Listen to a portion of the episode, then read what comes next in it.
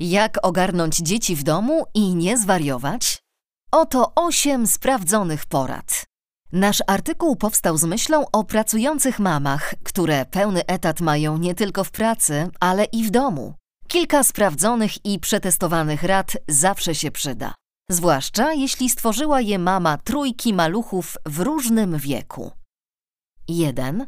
Po pierwsze, nie mów nie. Mamo, mogę oglądać bajkę? Zawsze tak, kochanie, jak tylko pozbierasz puzzle. Nigdy nie, nie sprzątnęłaś po zabawie. 2. Uprzeć dziecko o planowanych działaniach. Kochanie, po przedszkolu pójdziemy na plac zabaw. Jak cię odbiorę z przedszkola, pójdziemy do domku, zjemy obiad, odkurzymy salon i wtedy pójdziemy na plac zabaw. 3. Używaj konkretów. Zawsze, kochanie, pozbieraj klocki do pudełka. Nigdy sprzątnij pokój. 4. Jeśli umawiasz się z dzieckiem na coś, określ to w czasie. Na przykład dziecko mówi rano, że chce wyjść na spacer. Odpowiedz, że super, też masz na to ochotę. Umów się na godzinę wyjścia. Możesz też określić, ile czasu spędzicie na dworze, a z małym dzieckiem umów się, że wyjdziecie po obiadku i będziecie wracać do domku, jak zegarek zadzwoni. Nastaw budzik w telefonie przed wyjściem. 5. Żegnaj się krótko, witaj długo.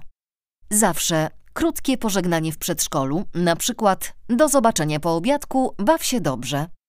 Nigdy pa, kochanie, będę za tobą tęsknić, tylko bądź grzeczne, nie bój się, wszystko będzie dobrze.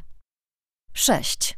Na powitanie po przedszkolu bądź skoncentrowana na dziecku, nie na telefonie czy rozmowie z koleżanką. Sama nie lubisz, gdy ktoś cię ignoruje, czy w trakcie rozmowy z tobą prowadzi drugą konwersację. A teraz dziecko stęsknione za tobą chce się tobą nacieszyć i mieć całą twoją uwagę. To samo tyczy się codziennych rozmów.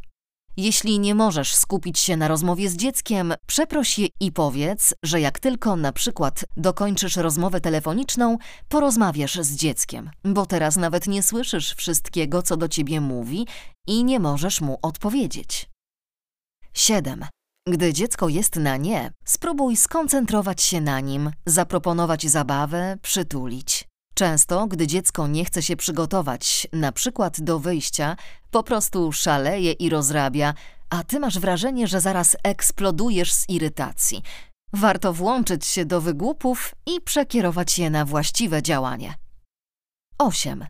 Przed pójściem do sklepu ustal, co możesz ewentualnie kupić dziecku, lub ustal, że dziś nic innego oprócz tego, co na liście zakupów nie kupujecie. Zakupy mogą być fajne same w sobie, można też zaangażować dziecko w tworzenie listy zakupów, pytając wcześniej, czy ma dziś ochotę na przykład na budyń. Pytamy, co potrzeba, aby ugotować budyń i jak już dziecko nam odpowie, to wpisujemy na listę. Jak nie odpowie, to podpowiadamy. Możemy też ćwiczyć z dzieckiem pamięć, pytając go w sklepie, czego jeszcze nie mamy w koszyku, a mieliśmy kupić. Podcast zrealizowany przez żłobki i przedszkola Norlandia.